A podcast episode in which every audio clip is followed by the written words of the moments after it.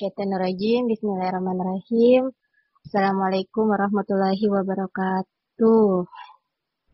Alhamdulillah, alhamdulillahirabbil alamin. Wa bihi nasta'in wa la umurid dunya waddin. Wassalatu wassalamu ala asyrafil anbiya'i wal mursalin wa ala alihi wa ashabihi ajma'in amma ba'du.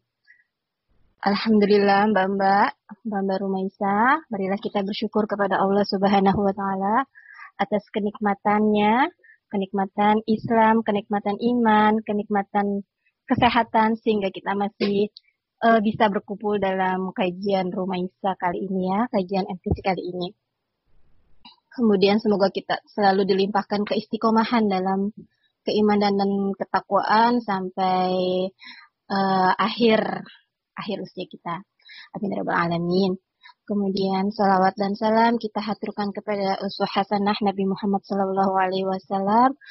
Semoga kita diakui sebagai umatnya, mendapat syafaatnya, dan semoga kita kelak di surga bisa berkumpul dengan beliau. Amin. Ya Amin. Sebelum kita mulai uh, kajian materi kali ini, mari kita berdoa semoga uh, apa yang kita dapat kali ini bisa menambah menambah ke menambah pengetahuan kita, menambah wawasan kita, menambah keimanan kita dan bisa menjadi bekal kita di dunia dan di akhirat. Pada kesempatan kali ini saya diamanati untuk menyampaikan kisah sahabiah, kisah dari istri Nabi. Kita tentang kisah istri Nabi Muhammad yang bernama Zainab binti Jahsy. Di posternya kemarin udah ditulis juga ya di captionnya bahwa uh, Zainab ini adalah salah satu wanita yang pernikahannya langsung dinikahkan oleh Allah Subhanahu wa taala. Masya Allah ya, betapa mulianya gitu loh. Yang menikahkan langsung Allah gitu. Kita aja kalau resepsi ada pernikahan, wah misalnya yang menikahkan itu Ustadz terkenal gitu. Ustadz Adi Hidayat misalnya. Wah kemarin saya kondangan itu yang nikahnya Ustadz Adi Hidayat tuh.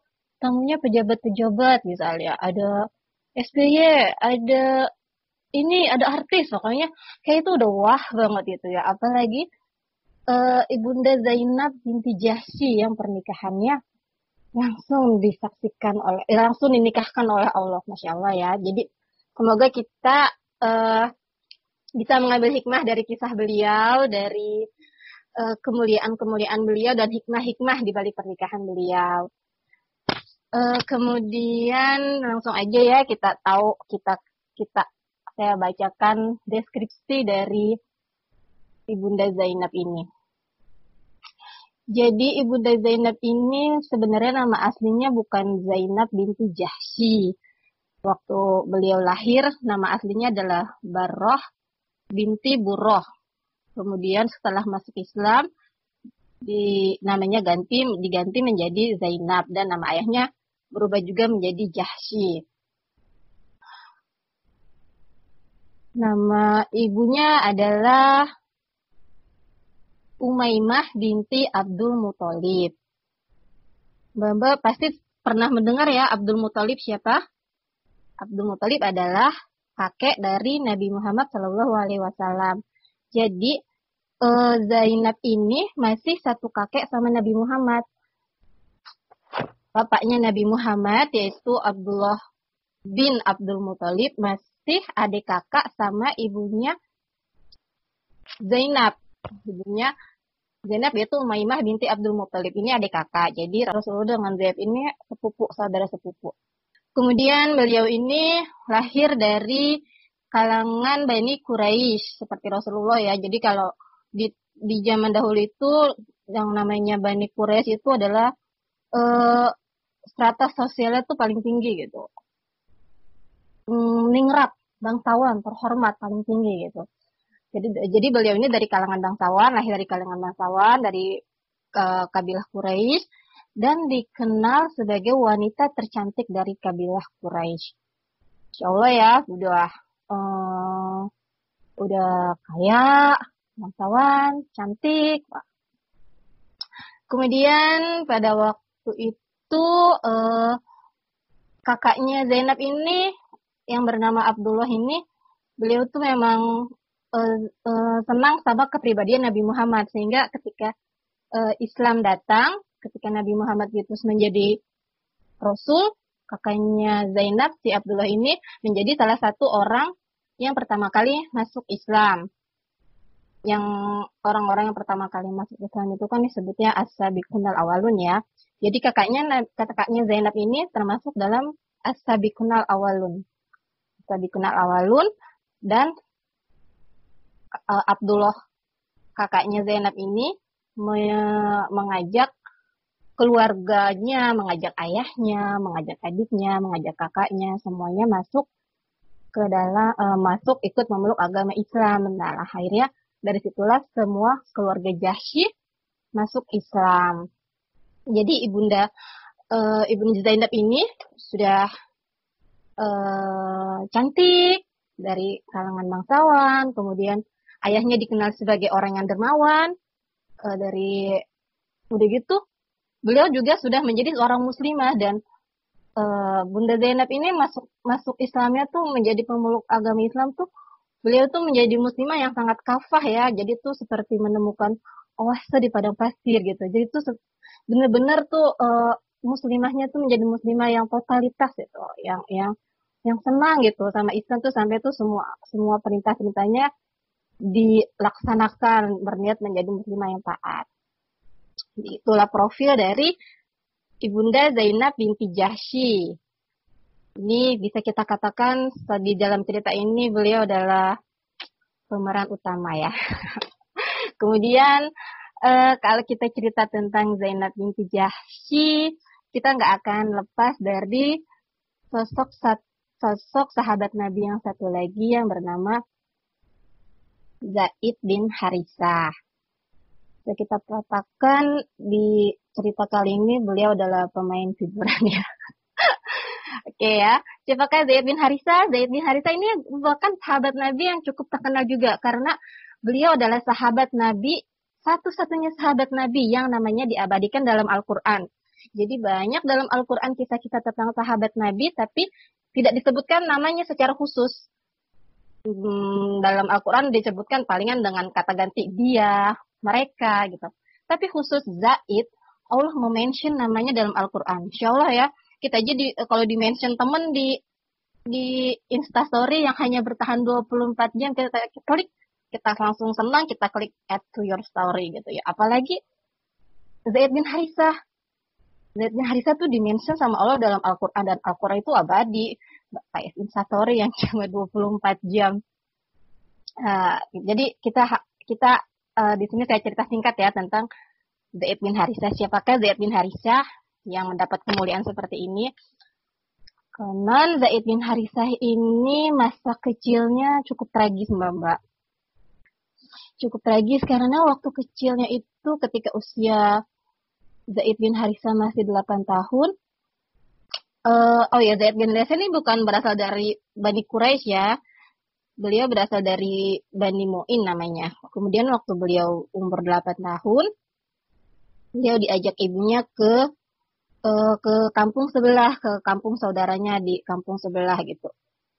Uh, terus hmm, ya ibunya bilang, nah ayo nak kita kunjungin saudara ibu di kampung sebelah gitu. Iyalah happy lah dia jalan sama ibunya, jalan ke kampung sebelah, uh, ke desa sebelah. Ayahnya nggak ikut tapi kodarullah baru sampai sana ternyata tuh itu desanya tuh diserang gitu diserang sama sama musuhnya dan e, desanya tuh e, dijarah gitu ya semua harta bendanya diambil termasuk Zaid bin Harisa ini. Jadi Zaid bin Harisa ini e, di dijadikan budak dibawa ke pasar budak gitu. Ya sedih banget kan ya anak kecil nggak tahu apa-apa gitu kepisah dari ibunya kepisah dari bapaknya yang tadinya happy happy mau jalan-jalan malah berakhir di pasar budak gitu.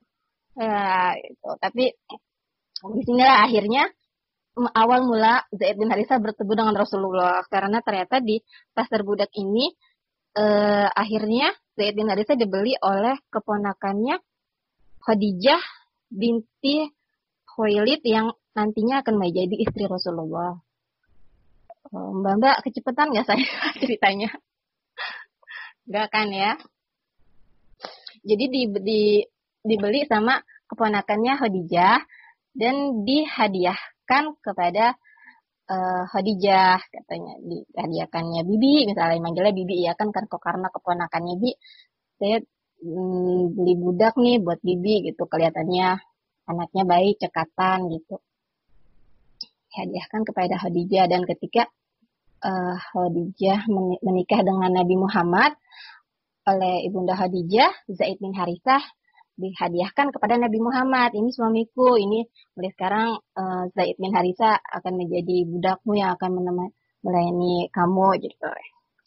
Nah, setelah akhirnya Zaid bin Harisa menjadi uh, menjadi followernya Nabi Muhammad ya ke mana-mana uh, ke mana ada Nabi Muhammad di situ ada Zaid bin Harisa dan hubungannya tuh uh, karena dua-duanya Nabi Muhammad dan Zaid itu uh, saling saling uh, maksudnya tuh ahlaknya baik gitu sama-sama orang yang baik. Jadi tuh merasa klik merasa cocok dan akhirnya tuh hubungannya tuh lebih dari sekedar hubungan majikan dan budak.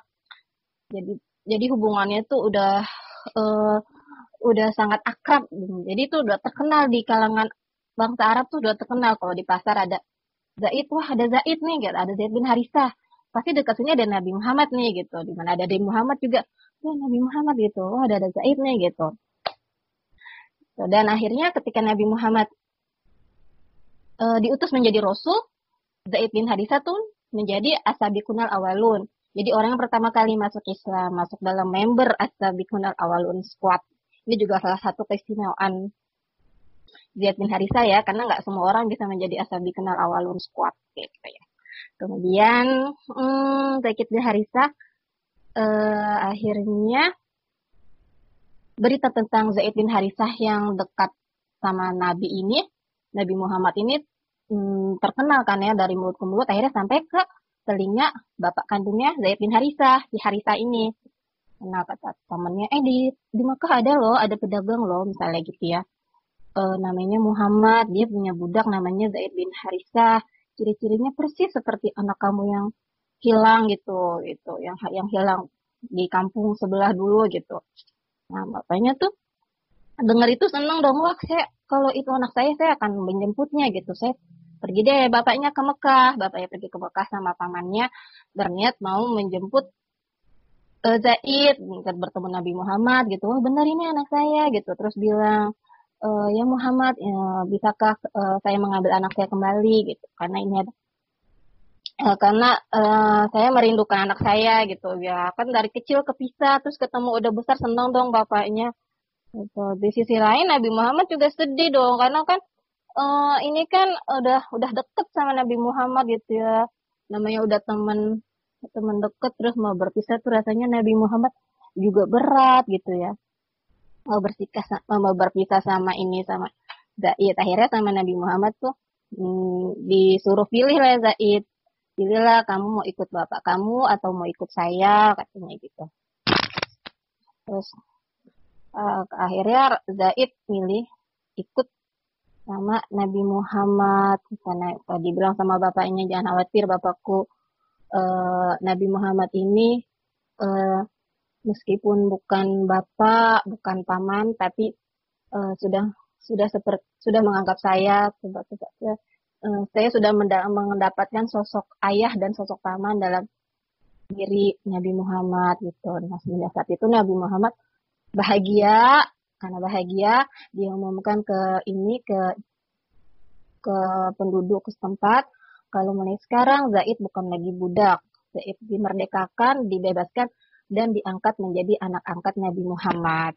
Jadi Zaid namanya tadinya Zaid bin Harisah berubah menjadi Zaid bin Muhammad. Itu ceritanya. Jadi pada zaman dulu itu e, kalau ngangkat anak itu e, namanya berubah, ikut berubah. Yang tadinya Zaid bin Harisah begitu diangkat menjadi anak namanya menjadi Zaid bin Muhammad. Sudah lumrah dan sudah berlaku berpuluh-puluh tahun tradisi seperti itu ya. Nah, kembali lagi kita ke ini kita uh, bintang utama kita ke Zainab binti Jasi. Zainab binti Jasi akhirnya uh, tumbuh menjadi uh, makin hari semakin menjadi wanita muslimah yang soleha ya. Begitu juga uh, Zaid semakin hari tumbuh menjadi pemuda yang gagah berani yang selalu menjadi panglima perang saat perang bersama Nabi. Jadi kalau ada peperangan Zaid selalu menjadi bukan hanya sebagai tentara biasa tetapi selalu menjadi panglima, selalu menjadi komandan, selalu menjadi memimpin pasukan, entah itu pasukan berkuda, entah itu pasukan memanah, pokoknya Zaid itu menjadi uh, inilah menjadi pimpinan kompi, pimpinan barisan, menjadi pemuda hebat. Terus uh, akhirnya Rasulullah tuh bertanya lah kepada Zaid, Zaid adakah uh, wanita yang mau yang sekiranya mau kamu nikahi gitu? Karena kan Nabi Muhammad sudah menjadi bapak angkatnya ya gitu, hmm, punya tanggung jawab untuk menikahkan. Nah, Zaid bilang kan Nabi Muhammad kalau dia tuh uh, ingin meminang Zainab binti Jahsy gitu. Baiklah kata Nabi Muhammad. Akhirnya Nabi Muhammad pergi ke rumah Zainab bertemu dengan paman dengan, ayahnya, dengan keluarga besarnya. Pergi ke rumah keluarga Jahsy bermaksud meminang Zainab binti Jahsy untuk si Zaid bin Harisa. Tetapi tunggu ternyata uh, gayung tidak bersambut. Ternyata Zainab tuh tidak ada hati sama Zaid bin Harisah gitu. Jadi tuh Zainab menolak gitu. Aku tidak aku tidak mau ya Rasulullah katanya gitu. Aku tidak mau katanya gitu. Kemudian uh, katanya uh, selain dia nggak nggak ada hati gitu ya nggak suka sama Zaid bin Harisa keluarga besarnya juga menolak dari pamannya, dari ayahnya, dari bibinya juga menolak gitu karena pada zaman dahulu walaupun Zaid bin Harisa ini mantan budak ya, tapi itu uh, statusnya tuh masih rendah gitu. Dari sisi di status sosial tuh statusnya rendah gitu. Enggak ini mm, maksudnya tuh kalau misalnya uh, mereka kan dari bangsa Quraisy itu, dari bangsa Ningrat gitu. Bangsa yang paling status sosialnya paling tinggi gitu. Sedangkan Zaid itu berada di status sosial paling bawah gitu loh. Itu mm, maunya kan bangsawan sama bangsawan dong gitu. Rasulullah saya jelaskan gitu. E, walaupun dia di mata kalian adalah budak, strata raja rendah, tapi di di hati saya Zaid itu adalah orang yang sangat yang sangat saya cintai adalah anak angkat saya, dia adalah orang keutamaan saya gitu. Dan justru Rasulullah itu berniat menikahkan Zaid dengan Zainab untuk menunjukkan kepada semua orang bahwa tuh manusia tidak boleh dipandang dari status sosialnya gitu. Tidak boleh manusia membangga-banggakan, wah saya anak pejabat, saya anak dokter gitu. Masa saya kawin sama anak tukang tempe misalnya.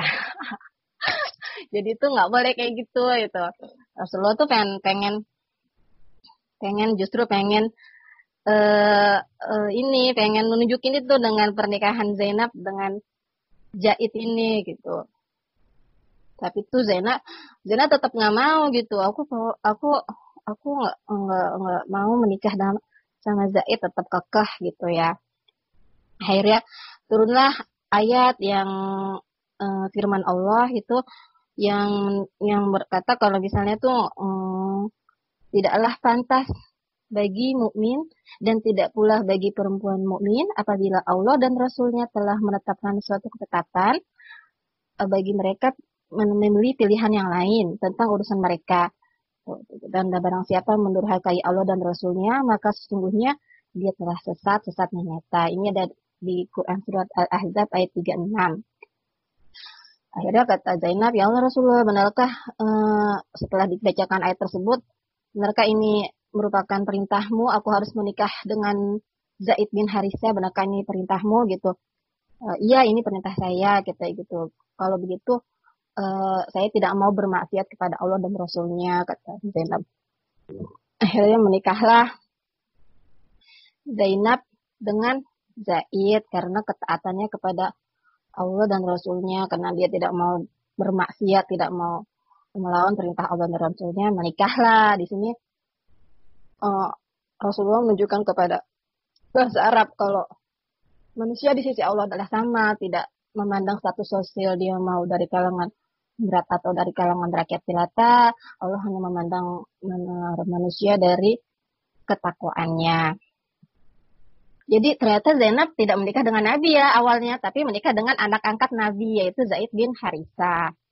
Kan tetapi ternyata perjalanan rumah tangga Zaid dan Zainab tidaklah mulus. Banyak halangan, banyak rintangan, banyak uh, banyak duri-duri tajam gitu ya yang menyebabkan rumah tangga mereka itu tidak tidak sakinah gitu, tidak tidak mendapatkan ketenangan gitu. Pada saat itu Jibril memberitahukan kepada Nabi bahwa uh, suatu saat Zaid dan Zainab akan bercerai dan kemudian Zainab akan menjadi istri Nabi gitu. Jadi ketika itu Rasulullah udah tahu endingnya seperti apa Rasulullah udah tahu gitu ya. Datanglah Zaid kepada Rasulullah menceritakan perihal rumah tangganya yang menurut beliau, menurut Zaid itu uh, sepertinya kok saya nggak sakinah di rumah tangga saya, saya tuh nggak cocok gitu, ada aja kesalahan. Pokoknya dia curhat ke Rasulullah, tapi Rasulullah bilang uh, bersabarlah katanya gitu, bersabarlah gitu. Balik lagi Zaid ke, ke rumah gitu, mencoba berjalan menjalani rumah tangganya lagi. Tapi tetap aja ketika Allah sudah berkehendak ya manusia mau bisa apa juga kan eh, nggak uh, akan bisa ya. Udah ada udah akan ada udah ditetapkan sama Allah kamu akan bercerai sama Zainab gitu. Akhirnya balik lagi lah si Zaid mengadukan persoalan rumah tangganya kepada Rasulullah uh, Rasulullah bilang lagi tahanlah olehmu terhadap istrimu dan takutlah kepada Allah katanya gitu. Jawaban itu diterima lagi oleh Zaid Rasulullah. Rasulullah ingetin gitu ya. Ini kan perintah Allah gitu, janganlah gitu tahan. Padahal Rasulullah dalam hatinya udah tahu gitu. Tapi Rasulullah itu ada ada ada ada rasa hmm, kalau sampai cerai gitu dan sampai Zainab jadi istri saya, bagaimana ya eh, pandangan masyarakat gitu gitu. Uh, di sisi lain Rasulullah juga tahu ini pasti nggak akan nggak akan nggak akan langgeng rumah tangga pasti akan cerai gitu. Datang lagi lah Zaid ke rumahnya ke Rasulullah. Ya Allah saya udah udah ini udah nggak bisa lagi saya minta izin untuk menceraikan Zainab. Ya udah akhirnya Rasulullah mengizinkan dan bercerailah Zaid dan Zainab begitu ya Terus sampai di sini uh, Mbak Mbak masih dengerin kan ya cerailah Zaid dan Zainab. Jadi Uh, cuma cuma beberapa bulan. Bulan aja gitu. Uh, kemudian pada pada masa itu ya uh, seperti yang tadi udah saya sebutkan sebelumnya pada masa itu bangsa Arab itu um, kebiasaan jeleknya itu yaitu kalau dia mengangkat anak anak angkatnya itu posisinya disamakan dengan anak kandung jadi anak angkatnya itu seperti tadi Zaid bin Harisah yang awalnya Zaid bin Harisah namanya berubah jadi Zaid bin Muhammad. Kemudian setelah itu juga hmm, anak angkat berhak mendapatkan harta warisan. Kemudian anak angkat itu bisa di uh, uh, orang tua angkat bisa menjadi wali nikah anak angkat itu adalah tradisi yang sudah bertahun-tahun berlaku pada masa itu. Dan Allah ingin merombak merombak kebiasaan jelek itu karena kalau seperti itu nanti jadi kabur ya nasabnya tuh jadi nggak jelas gitu. Jadinya tuh kedudukannya tuh jadi nggak jelas ini mana anak angkat mana anak kandung takutnya nanti karena nggak jelas itu terjadi pernikahan sedarah karena nggak ketahuan nasabnya yang mana kan itu kan bisa fatal gitu. Nah Allah tuh pengen uh, menetapkan hukum yang baru gitu, hukum Islam yang baru kalau anak angkat itu tidak sama ada kedudukannya dengan anak kandung. Maka uh, Allah menurunkan firman-Nya dalam surat Al-Ahzab ayat 4 dan 5. Uh, eh, yang yang isinya itu menerangkan uh, saya bacain artinya aja ya. uh, dan dia tidak menjadikan anak-anak angkatmu sebagai anak kandungmu sendiri. Yang demikian itu hanyalah perkataan di mulut saja, dan Allah mengatakan yang sebenarnya, dan dia menunjukkan jalan yang benar. Panggillah anak-anak angkat itu dengan memakai nama-nama bapak mereka. Itulah yang lebih adil pada sisi Allah. Dan jika kamu tidak mengetahui bapak-bapak mereka, maka panggillah mereka saudara-saudara seagama dan maula-maulamu dan tidak ada dosa atasmu terhadap apa yang kamu hilaf padanya. Tetapi apa yang disengaja oleh hatimu dan Allah Maha Pengampun lagi Maha Penyayang. Nah, jadi sesudah turun ayat ini, eh, Zaid yang selama ini dipanggil dengan Zaid bin Muhammad, kemudian Rasulullah cabut lagi namanya, mulai sekarang Zaid kembali namanya menjadi Zaid bin Harisah. Dan hak-hak anak angkat sebagaimana yang berlaku sama Rasulullah dikasih ditekankan lagi semenjak saat ini hak anak angkat yang telah berlaku itu hilang. Anak angkat adalah tetap orang lain. Tidak bisa anak angkat mewarisi harta orang tua angkatnya. Gitu. Nah kemudian hmm, setelah setelah Zaid ditegaskan kalau dia bukan lagi anak angkat Nabi Muhammad, Nabi Muhammad diperintahkan oleh Allah untuk menikahi Zainab binti Jahsy gitu. Tapi Rasulullah enggak langsung melaksanakan ya. Lagi-lagi Rasulullah tuh khawatir khawatir akan pandangan masyarakat kepada beliau gitu ya. Akhirnya Allah menurunkan firman-Nya.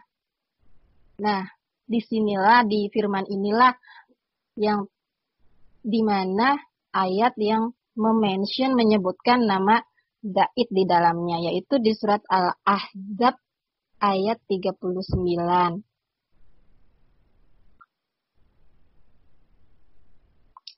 Ahzab ayat 39 wa dan ingatlah ketika kamu berkata kepada orang yang telah Allah limpahkan nikmat kepadanya dan kamu juga telah memberi nikmat kepadanya. Ini maksudnya zaid ya, yang Allah telah limpahkan nikmat kepadanya itu maksudnya nikmat keislaman. Dan kamu juga telah memberi nikmat kepadanya, kamu itu maksudnya Rasulullah, nikmat kepada zaid itu nikmat kebebasan dari budak. Tahanlah terus istrimu dan bertakwalah kepada Allah. Ini maksudnya ketika Zaid curhat ke Rasulullah ya, tentang masalah rumah tangganya. Ingatlah ketika saat itu kamu bilang kayak gitu, sedang kamu menyembunyikan di dalam hatimu apa yang Allah akan menyatakannya. Ini maksudnya tuh sedang kamu menyembunyikan Rasulullah tuh menyembunyikan dalam hatinya gitu kalau memang kamu harusnya bercerai gitu loh. Tapi Rasulullah tuh menyuruh Zaid balik lagi ke istrinya, balik lagi ke gitu ya. Dan kamu takut pada manusia. Ini karena Rasulullah berpikir Rasulullah takut gitu akan akan reaksi orang-orang. Sedangkan Allah lah yang berhak untuk kamu takuti. Jadi di ayat ini juga Allah tuh menegur Nabi Muhammad, kenapa kamu lebih takut sama pandangan manusia gitu, padahal seharusnya kamu lebih takut kepada Allah, deh gitu. Maka tatkala Zaid telah mengakhirkan keperluan terhadap istrinya, maksudnya menceraikannya, kami kawinkan kamu dengan dia, maksudnya dengan Zainab, supaya tidak ada keberatan bagi orang mukmin untuk mengawini istri-istri anak-anak angkat mereka apabila anak-anak angkat itu telah menyelesaikan keperluannya dari istrinya dan adalah ketetapan Allah itu pasti terjadi. Nah, di sini di ayat ini tuh kalau di dalam bahasa Arabnya ya ada kata-kata kata-kata uh, zawajna zawajna kaha zawajna kaha aku nikahkan kamu dengannya gitu. Ini kan Allah bilang aku nikahkan kamu dengannya. Ini tuh ini sudah menjadi akad nikah antara Nabi Muhammad dengan Zainab binti Jahsi. Jadi di sinilah yang, yang dibilang uh, yang dibilang kalau Zainab itu dinikahkan oleh Allah ini ada di ayat ini di zawajnakaha. Jadi aku nikahkan kamu dengan dia. Gitu. Di ayat ini secara otomatis Rasulullah dan dan Zainab sudah dinikahkan Allah Allah dan sudah menjadi suami istri gitu. Nah, di sinilah akhirnya pernikahan Nabi Muhammad dengan Zainab terjadi. Jadi Rasulullah uh, menikahi Zainab masuk ke dalam rumahnya dan bilang kalau e, menyampaikan adat ini dan bilang kalau e, mulai sekarang kamu menjadi istriku gitu terus kata Zainab ya Rasulullah begini saja kah gitu maksudnya tuh nggak ada ada pinangan kah tak ada saksi kah tak ada mahar kah gitu. Nggak ada wali kah gitu. Begini aja nikah kita oh, udah gini gitu. Udah udah ibaratnya kun fayakun aja nih gitu. Kata Allah kata Rasulullah eh, Allah lah yang menikahkan dan Jibril lah yang menjadi saksi. Wah ini benar-benar masya Allah ya. Yang menikahkan Allah langsung dari langit ke tujuh dan yang menjadi saksi adalah malaikat Jibril. Insya Allah kita aja kalau ngeliat orang resepsi yang menikahkan ustadz, gubernur, presiden itu rasanya udah wah banget ya. Ini apalagi yang menikahkan Allah Subhanahu wa taala betapa betapa tingginya kedudukan uh, Ibunda Zainab. Maka pantaslah ketika Ibunda Zainab tuh bilang gitu. Kita kalau ngelihat orang dinikahin sama ustadz aja tuh kita rasanya wah bangga ya gitu, hebat ya gitu. Dinikahinya sama sama orang-orang hebat gitu. Apalagi ini apa sih beliau gitu ya nikahkan Allah maka dia maka Bunda Zainab tuh bilang gitu ke istri Nabi yang lain aku kalian tuh dinikahkan oleh bapak-bapak kalian tapi aku dinikahkan oleh Allah langsung dari langit ketujuh Insya Allah gitu. Bila akhirnya menikahlah Nabi Muhammad dengan Zainab Zainab binti Jahsy. Dan pada saat pernikahan ini sesungguhnya bertujuan untuk menegaskan kembali ayat sebelumnya, menegaskan kembali ayat sebelumnya yang menerangkan bahwa anak angkat itu adalah orang lain, anak angkat itu sehingga anak angkat itu uh, mantan istrinya bisa dinikahi oleh bapak angkatnya gitu. Karena dia orang lain bukan anak kamu. Kalau misalnya anak kandung kan mantan istrinya itu ketika dia bercerai mantan istrinya nggak boleh dinikahi ya. Jadi ketika suami istri bercerai, kalau kalau anak kandung nih ya, ketika suami istri bercerai, otomatis mereka jadi mantan suami dan mantan istri, ya. Tapi hubungannya ke mertua, dia bukan mantan mertua, nggak putus, dia tetap tetap ini tetap tidak tidak boleh dinikahi gitu. Tetap mahram, tapi kalau anak angkat, dia tuh orang lain sekalipun dia anak angkat, dia tetap orang lain sehingga tuh istrinya pun mantan istrinya tuh bisa dinikahi sama bapaknya gitu. gitu. Jadi tuh eh, dalam kasus pernikahan Nabi Muhammad dan Zainab ini Allah tuh mau menunjukkan ke masyarakat kedudukan anak angkat itu tuh seperti ini gitu. Gak ada nggak ada istimewanya sama sekali gitu. Seperti tadi di ayat sebelumnya ya kalau anak angkat itu cuma di mulut aja tapi itu tidak mengikat ke nasab, tidak mengikat ke syariat sama sekali gitu.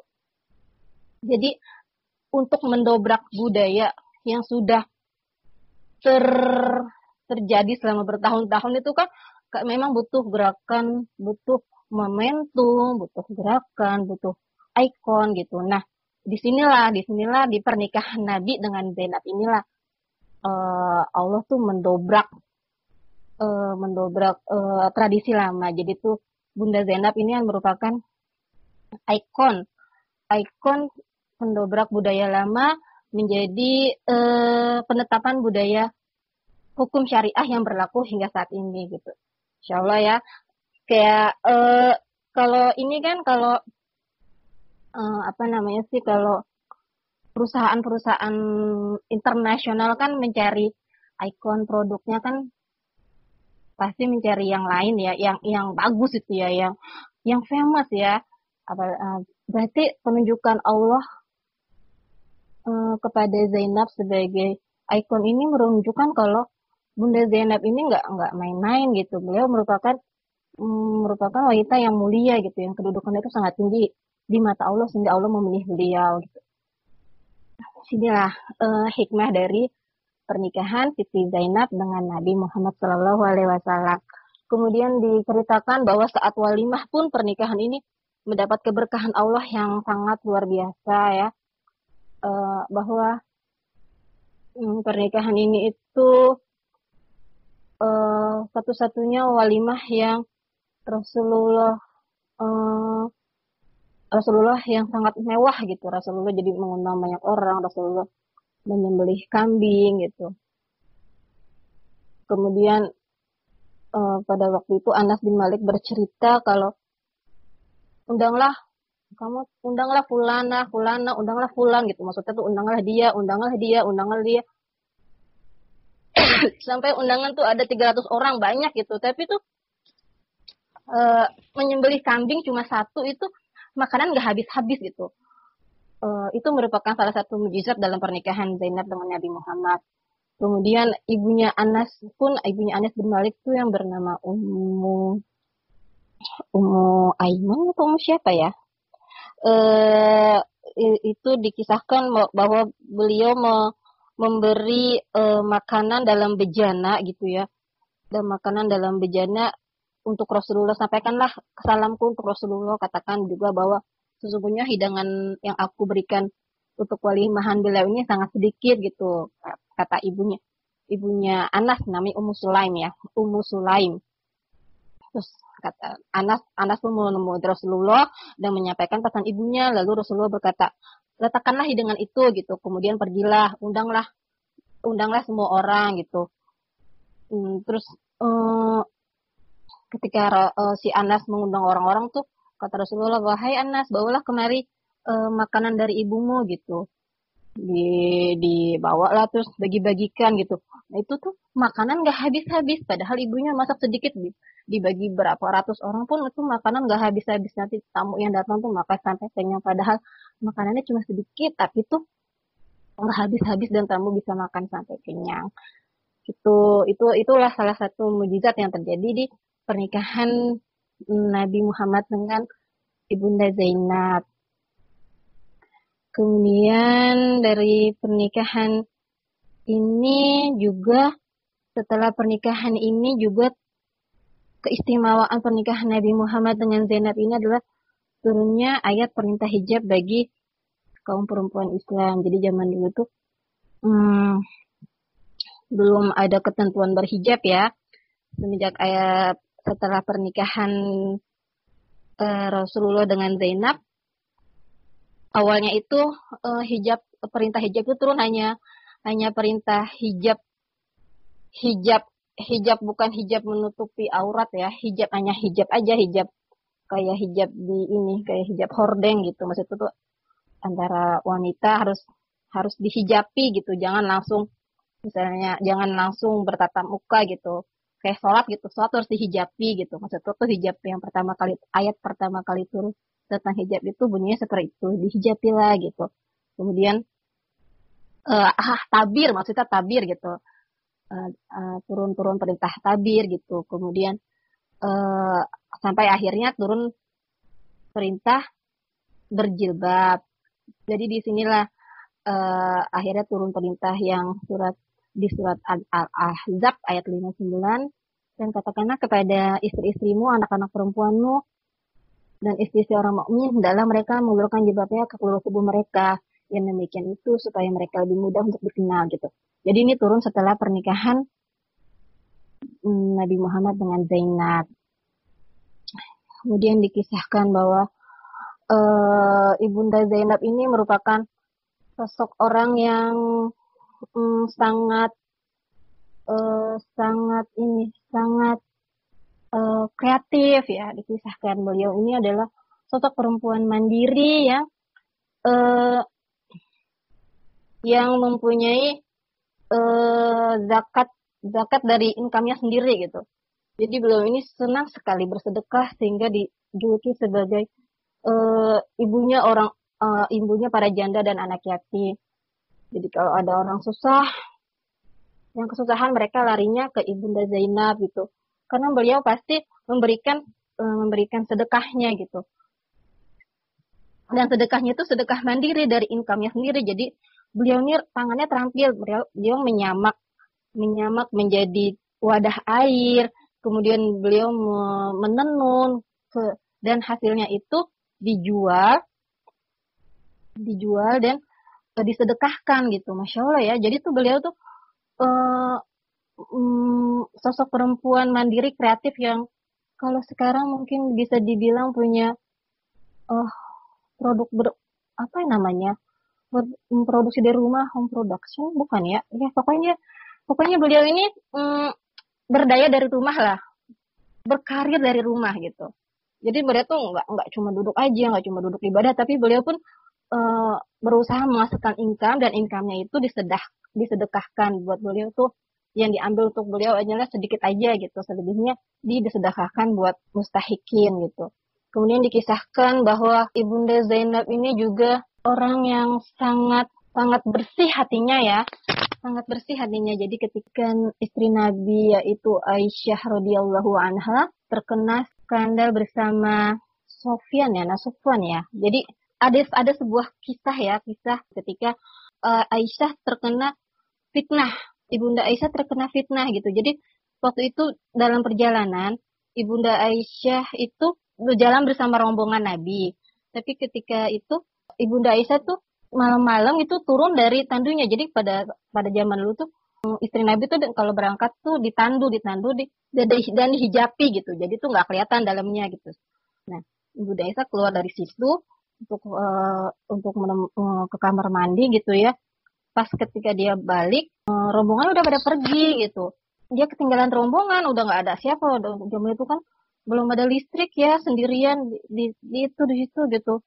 Ketinggalan rombongan dan yang ngangkat yang ngangkat beliau tuh saking ringannya nggak ini nggak kerasa kalau misalnya tuh bundanya uh, bunda Aisyah tertinggal. Nah di situ akhirnya ketinggalan rombongan. Intinya tuh bunda Aisyah akhirnya uh, ditemukan oleh seorang pemuda namanya Sofwan siapa gitu.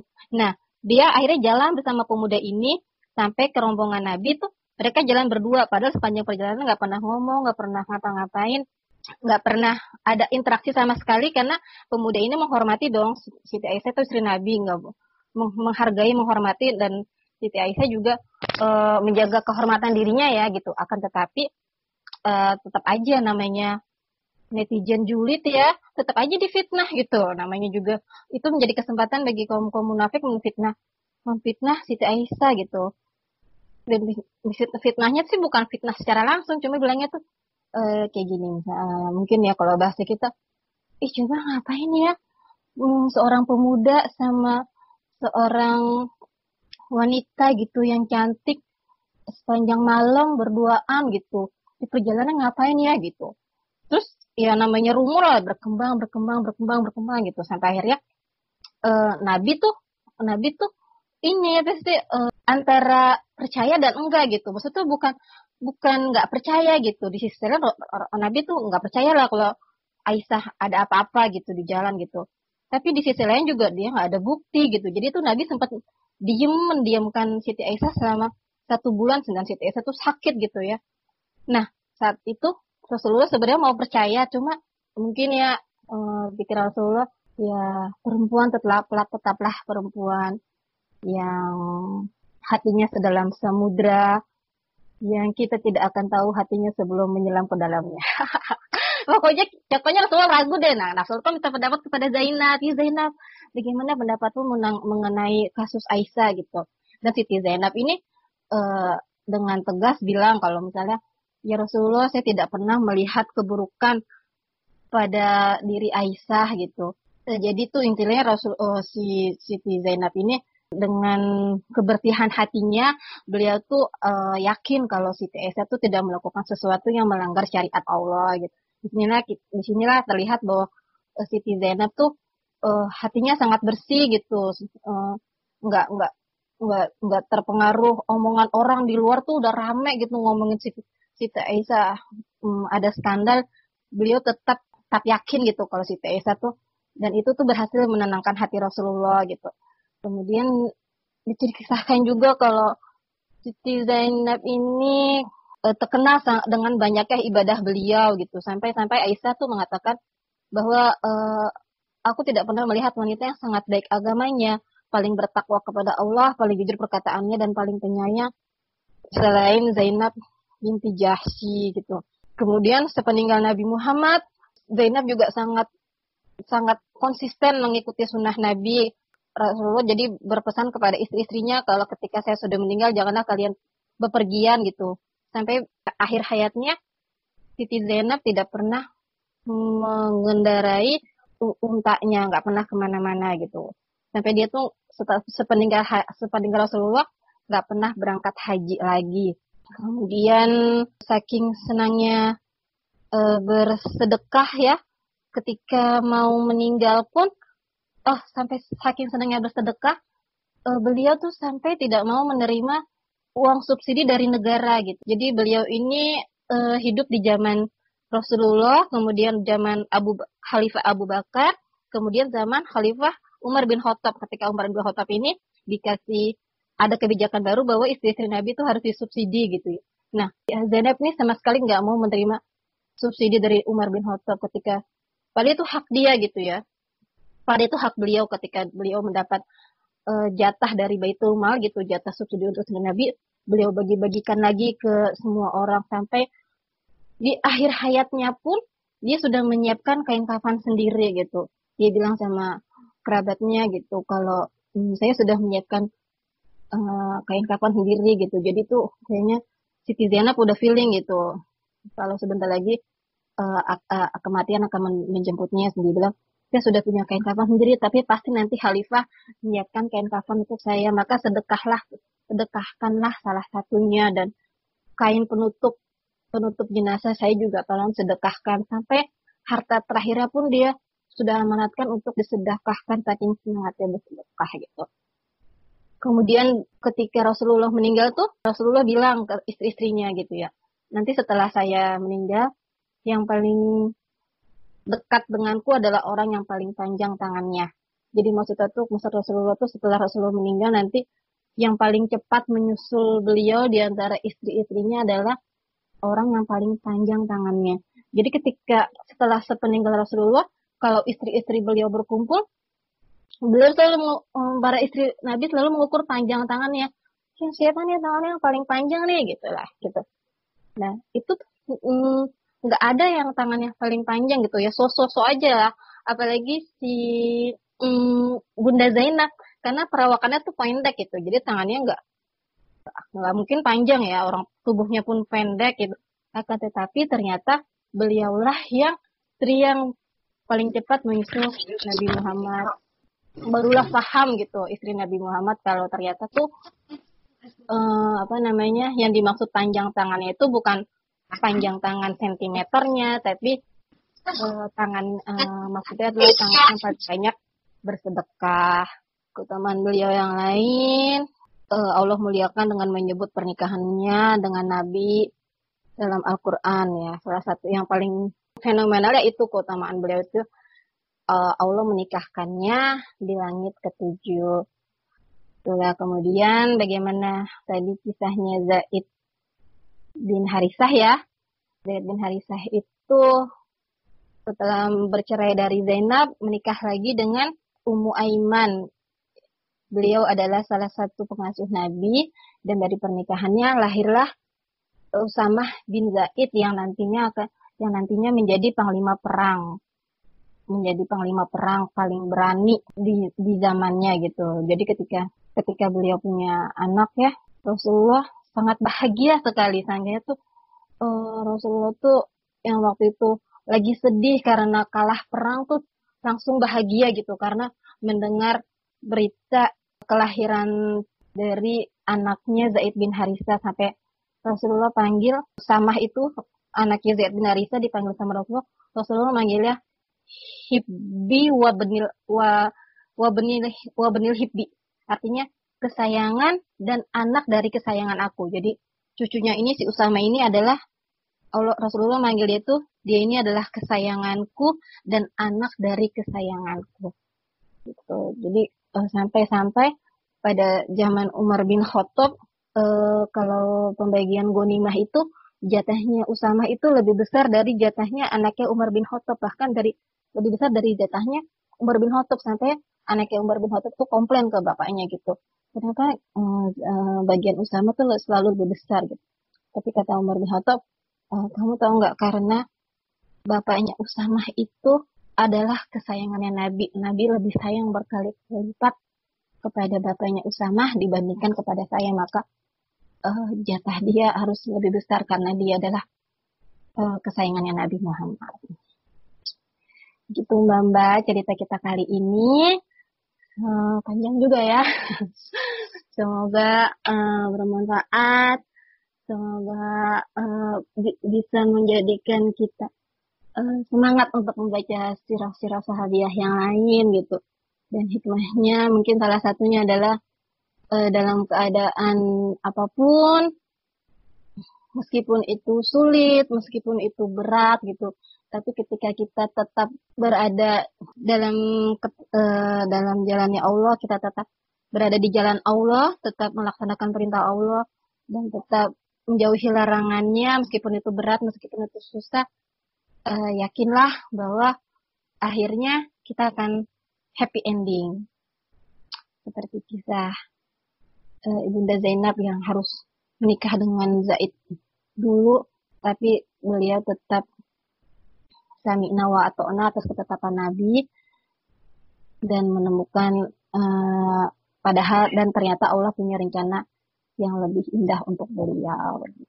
Sekian dari saya Mbak Mbak. Kalau ada yang salah itu datanya dari saya pribadi, mohon maaf. Dan selanjutnya saya kembalikan kepada Mbak siapa tadi Mbak MC-nya ya. Dua Hitafiq Wassalamualaikum warahmatullahi wabarakatuh.